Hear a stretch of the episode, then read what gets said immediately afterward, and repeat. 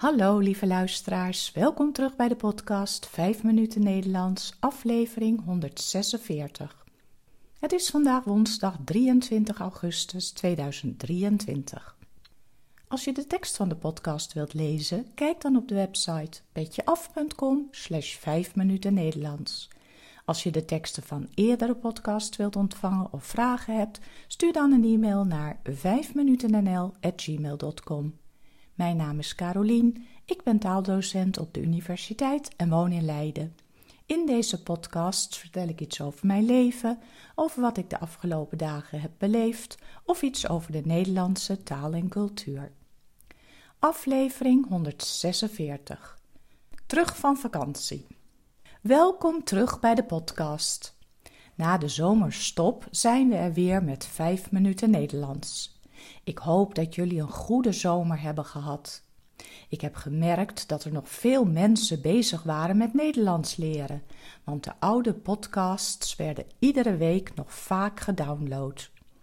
Er is weer van alles gebeurd in ons land de afgelopen weken.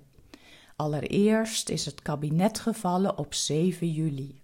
Het kabinet kon het niet eens worden over de maatregelen om de instroom van asielzoekers te beperken. Hiermee is een einde gekomen aan het vierde kabinet onder leiding van premier Rutte. Rutte zelf heeft een paar dagen later aangekondigd niet terug te willen keren in de politiek. Hij is in 2010 minister-president geworden en is daarmee de langstzittende premier van ons land. Op 22 november van dit jaar zullen de nieuwe verkiezingen voor de Tweede Kamer plaatsvinden. Het wordt dan spannend wie de grootste partij zal worden en hoe het nieuwe kabinet eruit gaat zien. Wat is er nog meer gebeurd? Eind juli brak er brand uit in een groot vrachtschip vlak boven Ameland. Ameland is een van de Waddeneilanden in het noorden van Nederland. De brand was nachts uitgebroken en het vuur greep snel om zich heen. Alle 23 bemanningsleden moesten het schip verlaten. Eén van hen kwam om het leven toen hij van grote hoogte in zee sprong. Enkele anderen raakten gewond door de val of door het inademen van rook. Het blussen was erg moeilijk en het duurde enige dagen voordat hulptroepen het schip op konden. Gelukkig is het schip intussen versleept naar de Eemshaven en is het niet gezonken in de Waddenzee. Dat zou een natuurramp zijn geweest, want de Waddenzee is een prachtig natuurgebied. Aan boord van het schip waren zo'n 3700 auto's, waarvan 500 elektrische auto's. Men vermoedt dat de brand is ontstaan in een van deze elektrische auto's maar dat is niet zeker. Er vindt een onderzoek plaats. De auto's op de bovenste dekken van het schip zijn erg beschadigd en niet meer bruikbaar, maar op de onderste dekken lijken de auto's nog in goede staat. Wat ermee gaat gebeuren is nog niet duidelijk.